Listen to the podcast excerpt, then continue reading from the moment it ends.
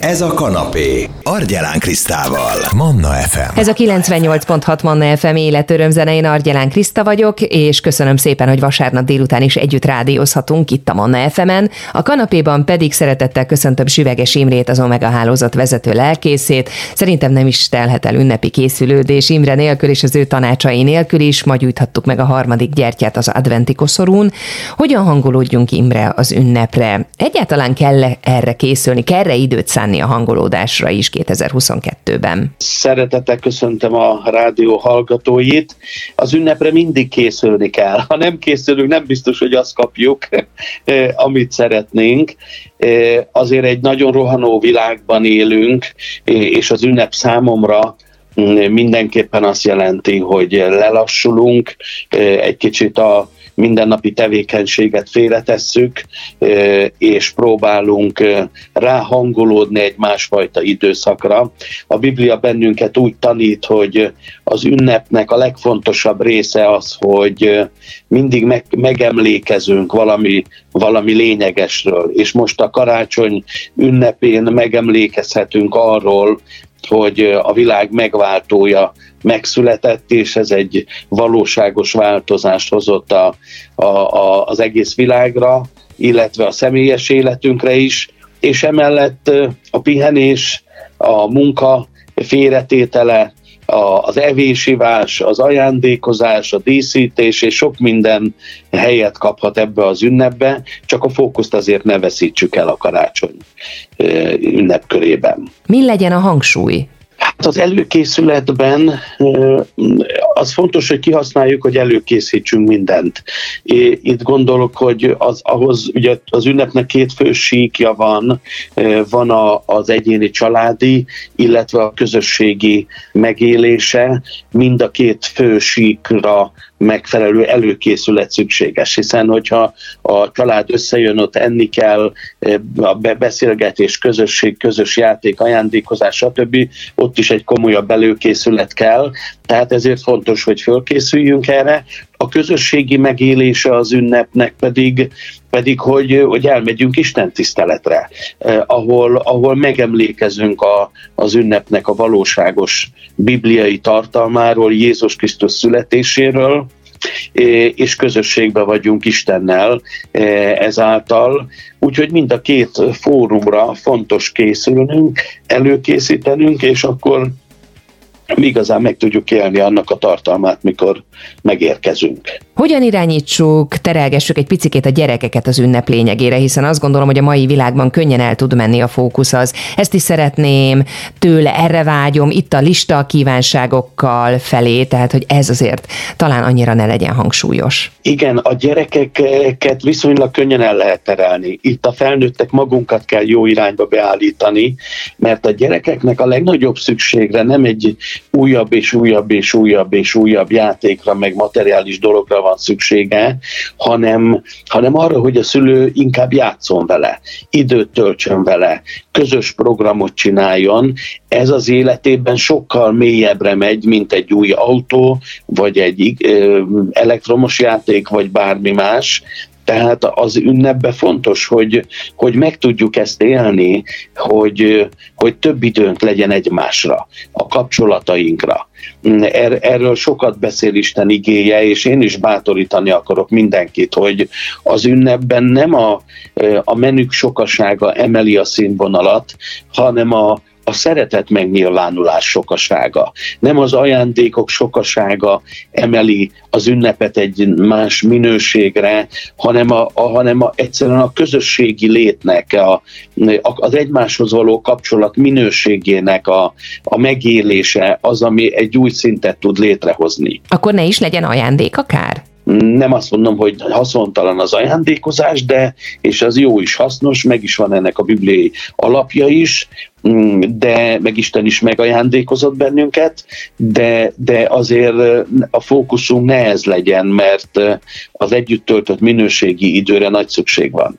És van még egy másik aspektus a, a, a bibliai ünneplésnek, amire megint szívesen bátorítok mindenkit, hogy hogy a, a szegények, a szükségben lévők, a kihívásokkal küzdködők, az egyedülállók, a magányosakra való odafigyelésre és bátorít a Biblia, és ez egy jó dolog. Mi ezt mindig valamilyen kampányszerűen az ünnepek keretében mindig gyakoroljuk.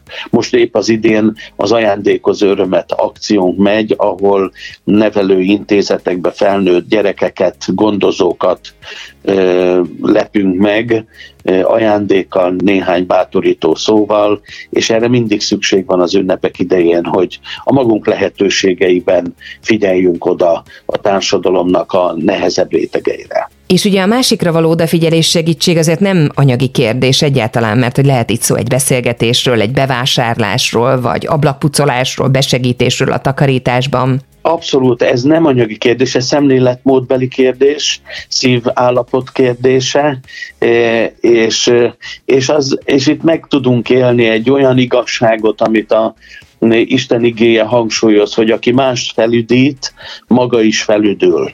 És hogyha már régen üdültünk föl, akkor mindenképpen jó kezdeni másnál, hogy mások fele kezdjünk el szolgálni, adni, segíteni, bátorítani, és meg fogjuk látni, hogy ez egy olyan visszahatása lesz az életünkre, amitől mi magunk is föl tudunk üdülni. Úgyhogy az ünnepkörben jó, hogyha találunk erre fórumot, megfelelő szükségben lévő embereket. Mit olvassunk Imre ebben az időszakban a Bibliából például? Ilyenkor akár a gyerekeknek, de a felnőtteknek is jó felidézni az evangéliumokból Jézus születésének a történetét. Mert ez nem egy semleges történet. Ezzel kapcsolatban jó, hogyha mindig visszatérünk az alapokhoz, hogy a Biblia azt mondja, hogy évszázadokon keresztül a bűn hogyan tette tönkre az embert, e, és rombolt a betegség és mindenféle módon a kapcsolatrendszerét, az Isten-ember kapcsolatot is, és erre egy mennyei megoldásként született meg a messiás, Jézus Krisztus, akinek a segítségével az ember megtisztulhat, helyreállhat, és nekem megmondom őszintén, mint gyakorló lelkész, aki sok száz és ezer ember fele szolgálok, a legnagyobb örömöm ezt látni, hogy Jézus Krisztus nevében hogyan gyógyulnak meg, hogyan tisztulnak meg összetört életek, szétesett kapcsolatok, hogyan tudnak újból helyreállni, meggyógyulni depresszióval és mindenféle mentális problémával küzdő ember, hogyan kapja meg az Isten minden értelmet felülhaladó békességét, ami, ami pontosan a messiás eljövetele által nyílt meg erre a kapu. És ezért bátorít bátorítok mindenkit, hogy vegyük elő a Bibliát, a Máté evangélium, a Márk, Lukács, de talán a Máté, a Lukács eh, evangéliuma, az első egy-három rész nagyon jól megfogalmazza, eh, hogy mit, mire emlékezünk eh, karácsonykor Jézus Krisztus születésével, földre jöttével kapcsolatban. Az Omega hálózatnál milyen programokkal lehet hangolódni az ünnepekre? Nálunk általában a, az ünnepek előtt különféle karitatív akcióink vannak, mint ahogy említettem ezt az ajándékoz örömet, ahol több száz gyermeket, illetve otthont, munkásokat becsülünk meg, ajándékozunk, meglátogatunk, bátorítunk. Ilyen karitatív programok vannak országszerte az Omega Szeretett Szolgálat munkatársai által. Az ünnepi időszakban pedig szinte minden városban, hogyha a weblapon utána néznek ennek a www.omegagyülekezetek.hu, vannak ünnepi istentiszteletek, egy kicsit maibb csomagok, hangolásban, könnyedebb zenei felfogásban, de ugyanazzal a mély bibliai tartalommal, úgyhogy mindenkit szeretettel várunk. A, általában a karácsony első napján szoktak lenni az Isten tiszteletek, amiatt, hogy utána a családi ünneplés fóruma is meglegyen. Ugye általában karácsony első napján délelőttönként, itt Budapesten is több gyülekezetünkben van ünnepi tisztelet, amire szeretettel látunk mindenkit. Összegzésül Imre mit tudnál elmondani a Manna hallgatóknak? Békés, békés karácsonyt kívánok mindenkinek. Egy figyelmeztetést helyeznék talán el, hogy eh, annak mindig van egy veszély, amikor a szélesebb körű család összejön, hogy sokkal nagyobb türelemmel, nem kélezve a helyzeteket, hanem törekedjünk a békességre, és ennek a megélésére, és a szeretetnek a kifejezésére, és vigyázzunk a békességre, hogy a különféle beszélgetésekben, vagy, vagy családi eseményekben ne engedjük, hogy ez a békesség meg legyen bontva, mert azért hallom, hogy ez sokszor a nagyobb együttlétek nagyobb feszültséggel is tudnak járni, tehát egy nagyobb toleranciával, jó hozzáállással, békés és szeretet megnyilvánulásokkal éljük meg